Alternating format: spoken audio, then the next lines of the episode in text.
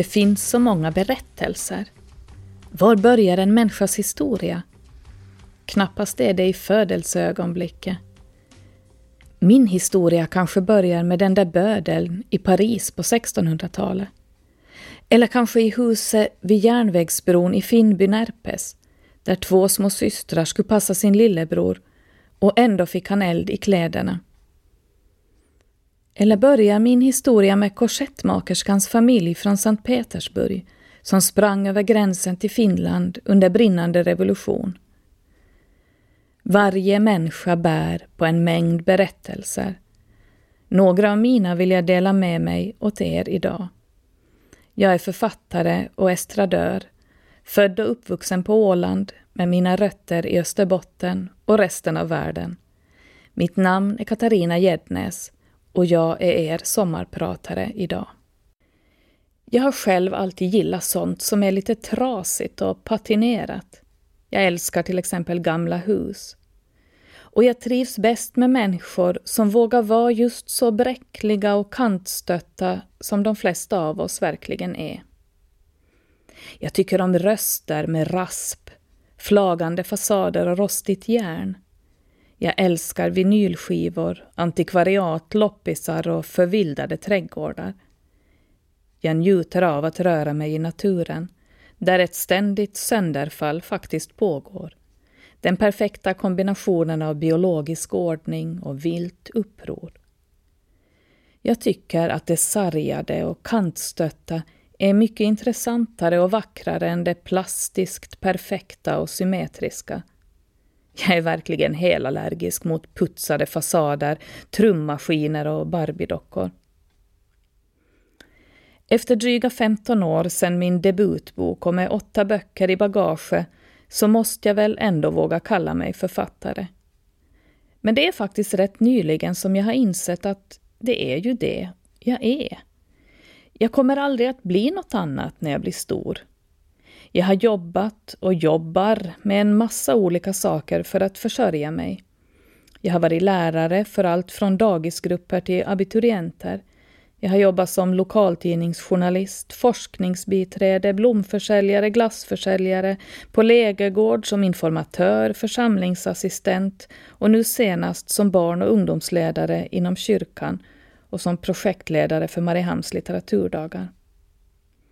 Vet ni, ingen normalt funtad människa väljer idag att bli författare med de arbetsvillkor vi har, till den ersättning vi i bästa fall kan få för vårt arbete. Så snälla människor, bli inte författare, konstnärer, musiker eller skådespelare om det inte är absolut, absolut nödvändigt. Och om det är det, så då blir ni det ändå oberoende av vad någon försöker råda er att göra. Men det är inget man kan leva på idag. I alla fall inte om man som jag är ensamstående fyrabarnsmamma med ett 200-årigt hus och fem katter. Man måste alltid och hela tiden ta extra jobb. Arbeta med annat för att betala banklån och få bröd på bordet. Och så får man försöka stjäla sig tid till sin konstnärliga verksamhet. Det är inte lätt. Det är skitjobbigt faktiskt. Men ändå gör jag det. För att, ja, varför egentligen? För att man måste. För att det finns något som skaver. Det finns berättelser att berätta, områden att utforska, gåtor att försöka lösa. Man skriver för att man inte kan låta bli. För att man inte kan något annat. Förutom mina föräldrar finns det två människor som på ett särskilt sätt präglat mig som människa. Två starka österbottniska kvinnor. Helt olika varandra. Men båda var väldigt närvarande i min barndom och jag bär dem nära mitt hjärta varje dag. Det var min mormor och min farmor. Min mormor Astrid Nordblom föddes i Närpes 1911. Som så många andra österbottningar sökte hon sig till Åland mellan de två världskrigen. För att på Åland fanns det arbete och folk talade svenska. På Åland träffade hon min morfar, småbrukarsonen på Södergårds i Finström, Tärnebolsta. De gifte sig, fick fem barn. Morfar var sjuklig och mormor blev änka rätt tidigt, som dryga 50-åring. Hon var tvungen att sälja djuren och en del av marken och började istället städa på mentalsjukhuset som låg några kilometer från byn. Dit drog hon cykeln på en skruttig väg genom skogen varje dag i många års tid. Det var tufft. Framförallt var det ekonomiskt tufft. Men vad hon tänkte och kände, det berättade hon inte särskilt mycket om. Hon bet ihop och kämpade. Morfar hade fört över sitt stora bildningsintresse och samhällsengagemang på alla de fem barnen. Någon gymnasieutbildning för barnens del fanns inte på kartan, det var alldeles för dyrt. Men att alla skulle få gå ett år på folkhögskolan i alla fall, det var viktigt. Och det gick bra för alla fem barnen. De kämpade sig fram i livet. En blev bibliotekarie, två blev lärare, en blev sjukskötare och psykoterapeut och en blev fartygsintendent. Det var viktigt för mormor. Hon återkom ofta till det, att det var så bra att det hade gått bra för barnen. Hon välsignades med 13 barnbarn och ett stort antal barnbarnsbarn under sin livstid. Och Södergårds i Tärnebolsta blev den naturliga samlingsplatsen för alla de här. På gräsmattan på Södergårds har min morfars far, min morfar, min mamma, jag, mina barn och en hel massa andra släktingar stultat omkring som barn. Vi har lekt kurragömma i plommonskogen, ätit från krusbärsbuskarna och plockat mandelblom på Kvarnberget. Och på Söderhagan, ja det finns inga högsvenska namn på ställena i byn. Nåja, i alla fall på Söderhagan var jag som barn med och planterade björkar. Jag har fått se dem växa upp och bli höga träd och varje vinter får jag nu vara med och fälla ett par av dem som sen blir ved till köksspisen som värmer min familj. Min mormor var inte den där hjärtliga och kramgoa sorten. Men hon var omtänksam, pålitlig och hon fanns alltid där för mig. Hon läste sagor och sparkade fotboll med barnbarnen så tofflorna flög över gräsmattan. Hon var rädd för allt möjligt. För åska ormar, råttor, eld och olyckor. Det där med eld har sin tragiska förklaring. När hon var liten skulle hon och hennes syster passa deras ännu yngre lillebror när mamman skulle gå ut och fälla ut järnvägsbommarna hemma i Finnby. På något sätt gick den lilla pojken trots allt för nära kakelugnen och fick eld i sina kläder. Stora systrarna som väl var fyra och sju år gamla, hade sinnesnärvaro nog att rulla in honom i en trasmatta som låg på golvet och på det sättet fick de elden släckt i hans kläder. Deras mamma cyklade med den svårt brännskadade pojken på pakethållaren till sjukstugan, men han dog på vägen. Skulden över det fick mormor bära på i hela sitt liv. Alla har vi våra berättelser och våra sår. Min mormor är död nu sedan några år tillbaka, men jag bär minne av henne vidare i huset där jag nu nöter samma trösklar som hon nött, förvarar mina ägg i hennes gamla äggkorg och vattnar hennes blomrabatter. Men grusgången, mommo, din fina krattade grusgång, den mäktar jag inte riktigt med att hålla i skick. Jag vet nog att du skulle ha åsikter om det. Men mommo, vet du, jag är också ensam i huset nu, med många barn, lite pengar och mycket jobb. Men jag gör som du lärt mig. Jag biter ihop och kämpar. Tror att det ska gå, på något sätt i alla fall. Jag heter Katarina Gäddnäs och är sommarpratare i Radio Vega idag. Jag talar om anmödrar och rötter och hur jag tror att de har påverkat mitt liv. En sida av mig älskar alltså och värdesätter tradition och kontinuitet. Men jag har också en annan sida av min personlighet. En excentrisk, utlevande, livsnjutande och också lite provocerande. En del av det har jag nog fått av min fantastiska farmor, Paula Jednes, född Postinen i Vasa.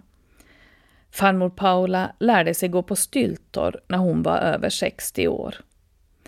Och farmor dansa som Isadora Duncan barfota i tunna underkjolar på en av våra otaliga maskerader, på Skärren. Vårt Skärren, vår sommarstuga som var domarskär i Vasa skärgård. Där tillbringar jag min barndoms alla sommarlov med kusiner och småkusiner i flera generationer. Där hade min farmors arbetarklassläkt byggt sina små enkla sommarställen. Ingen el, inget vatten, men mycket gemenskap, fester, lekar, simning, segling och galna upptåg. Det var farmor som lärde mig se enbuskarna som troll och skön konst i trädrötter och stenar. Det var farmor som lärde mig leka med ord och språk under oändligt långa berättarstunder med sagor, sånger och ramsor. Vasasläkten är stor och brokig. Ateister och Jehovas vittnen, läkare och verkstadsarbetare. Många som arbetar inom den sociala sektorn. Men alla hade ett stort intresse för konst och kultur. Det var 70-tal i min barndom. Det käbblades och argumenterades, skrattades, sjöngs, festades och lektes. Sommaren var underbar och oändlig. Utan kläder och klocka, i alla fall som jag minns det. Pappas kusin Vappo var socialminister i Finland och hennes man Ilka var riksdagsman i något skede. Men för mig var de förstås bara vanliga Vappo som kokar köttsoppa i en jättekastrull till hela släkten. Och Ilka, ja det var vanliga Ilka som på en av våra maskerader klädde ut sig, eller faktiskt snarare klädde av sig, och var den där uh, nakna filosofen i tunnan som jag aldrig minns namnet på. Men han stod där i alla fall naken i regnvattentunnan vid stugknuten. Av anständighetsskäl så stannade han i tunnan hela festen och vi barn fick springa med köttsoppa och jordgubbstårta åt honom. Farmors syster Helge är en duktig skolad operasångare men jobbade när jag var barn på Sokos tygavdelning i Vasa. Det var någonting elegant det. Janne, hennes son, spelar saxofon. Väinö och Elsa, de var Jehovas vittnen och hade en hund som ylande sjöng med när tant Elsa sjöng slagers med sin pipiga röst. Ingen bemärkelsedag var för liten att fira och för det mesta skulle det av någon anledning vara maskerad. Man tog lite vad man hittade av fisknät och sängöverkast och gamla kläder. Ett år överträffade tant Kylli och Mauri sig själva när de gjorde storstilad entré som påven Johanna och hennes älskare kardinalen. De hade sytt upp påve och kardinalkläder åt sig. Varje år som det var OS ordnade vi egna olympiska spel med en massa grenar och riktiga metallmedaljer i priser. Kylli hörde till dem som fuskade mest av alla till barnens stora förtrytelse. Det förekom ytterst sällan alkohol på de här festerna. Kanske det var för Jehovas vittnenas skull, men jag tror att det liksom inte behövdes. Folk var höga på livet självt. Det var inte så att många hade inget emot alkohol. De tillhörde ju i alla fall rödvinsvänstern många. Man hade olika uppfattningar om allt möjligt. Det talades finska och svenska i en salig blandning. Någon del av släkten är helt finsk och någon annan helt svensk. Bra gick det ändå. Vi barn tojsta på så gott det nu gick. Lekens språk är universell. Och barn och vuxna var alla enade i någon sorts ryggmärgsstark instinkt om humanism. En oomkullrunkelig uppfattning om alla människors lika värde. Många i släkten var och är engagerade i fredsrörelsen. Och när vi barn på somrarnas regniga dagar tecknade pappersdockor så hade varenda docka åtminstone en uppsättning av en färgglad t-skjorta med fredstecknet på. Det hörde liksom till. Jag är evigt tacksam för de fantastiska minnen och erfarenheter jag har av min hjärtliga och lite galna Vasasläkt. Min kära farmor Paula fyllde 95 år i maj. Hon bor i en egen lägenhet och klarar sig hyfsat bra själv. Hon är klok, rapp i käften och med en vass tunga och har ett jättestort intresse för allt som har med kultur att göra. Farmors släkt lär vara valloner av släkten Konster. Kärleken till det franska språket och fransk kultur är det nog farmor som har gett mig. Och förstås vissheten om att man kan lära sig gå på styltor när man är över 60 år. Kram på dig Sammo, du är toppen. Jag har alltid tänkt mycket på döden. Jag tror att det är hälsosamt att nu och då påminnas om att vi bara lever en begränsad tid här på jorden. Folk brukar titta lite snett på mig ibland när jag säger att tanken på döden ger mig livskvalitet. Att just det faktum att jag är dödlig och är medveten om det gör livet mycket roligare och ännu värdefullare. Jag är inte rädd för döden. Kanske ibland för själva döendet. Jag studerade i min ungdom till sjukhusteolog eller sjukhuspräst, men jag har aldrig tagit min examen. Genom praktik och arbete har jag i alla fall genom åren träffat en hel del människor som levt i dödens omedelbara närhet. Jag har också själv fått uppleva hur det är att vara allvarligt sjuk och hur det är att ha barn som är allvarligt sjuka. Då blir plötsligt helt andra saker viktiga i livet. Perspektivet förskjuts. Man kan vara glad över att man kan se en blå himmel med fåglar från sin sjuksäng. Man kan vara glad för att det finns någon på sjukhuset som talar svenska. Man kan vara glad att man trots dåliga odds får uppleva ännu en vår med hägg och en försommar med syren. Man är glad för att man hinner säga det osagda. Det där som man inte hann med tidigare. Att man hinner säga tack, förlåt och jag älskar dig åt dem som behöver få höra det.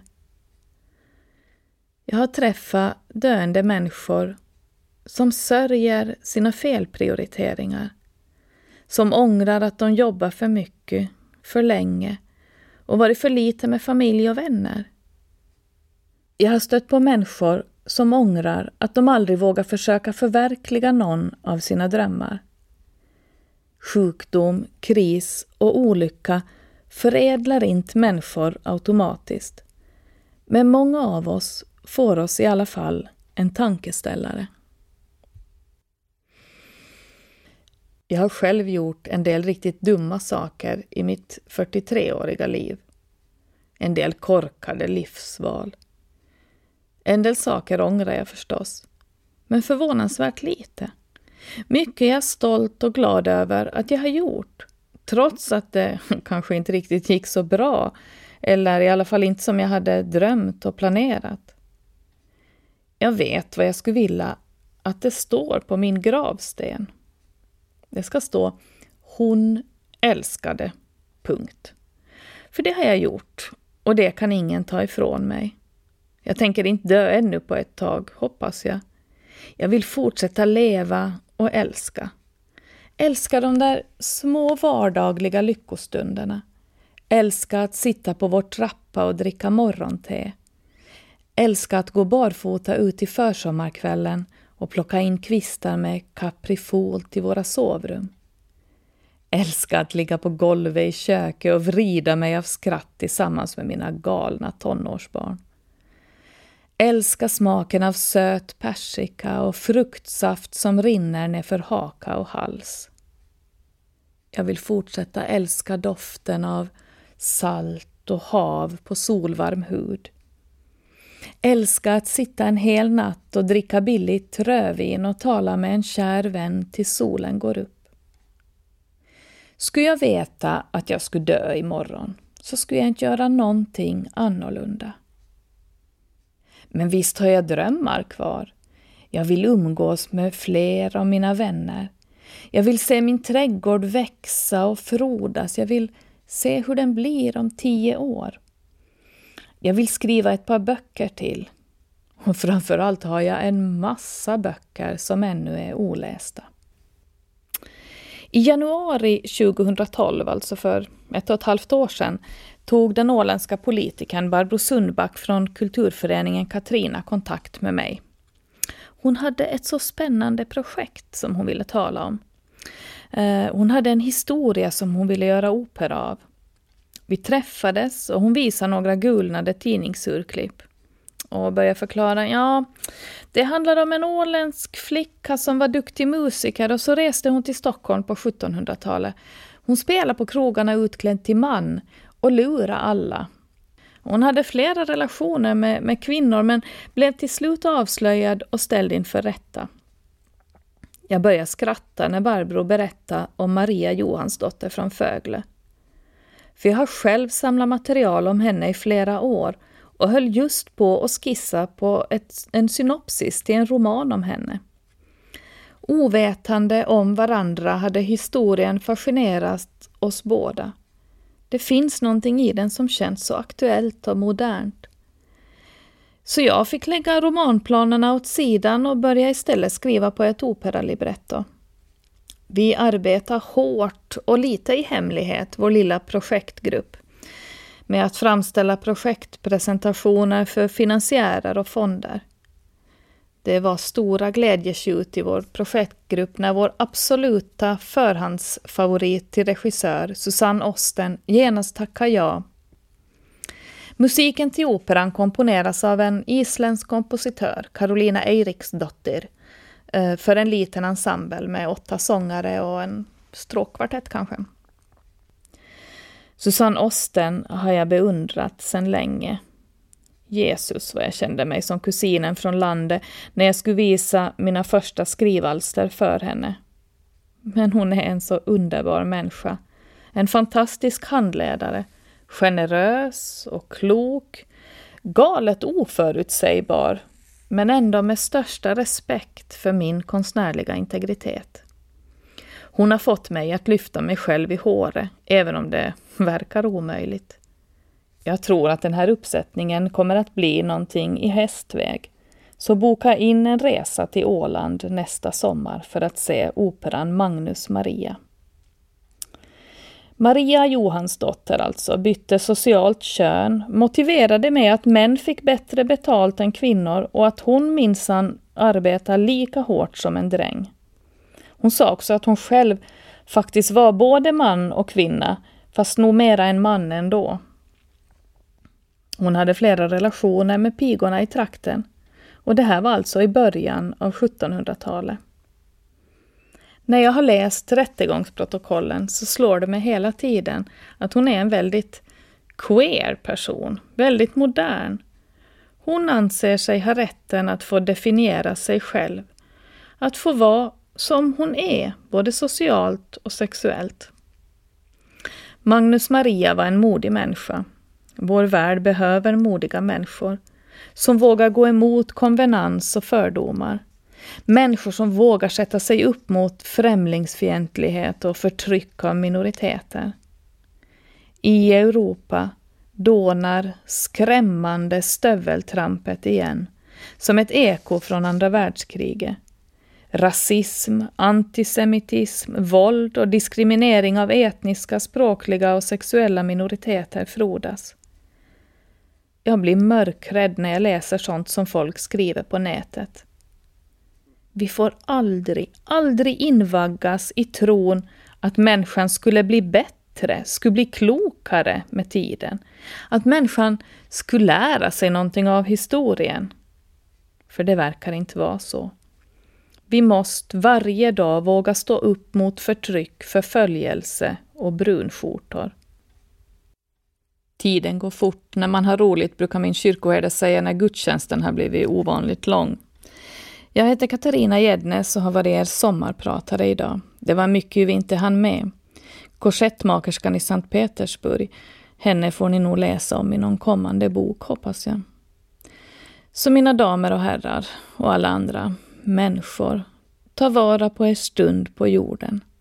Ingen har någonsin dött ledsen över att han eller hon tillbringat för mycket tid med dem de älskat och för lite tid med övertid på kontoret. Människor var rädda om varandra, men var inte rädda. Jag säger adjö och kanske på återhörande med en blinkning till mitt livs största kärlek.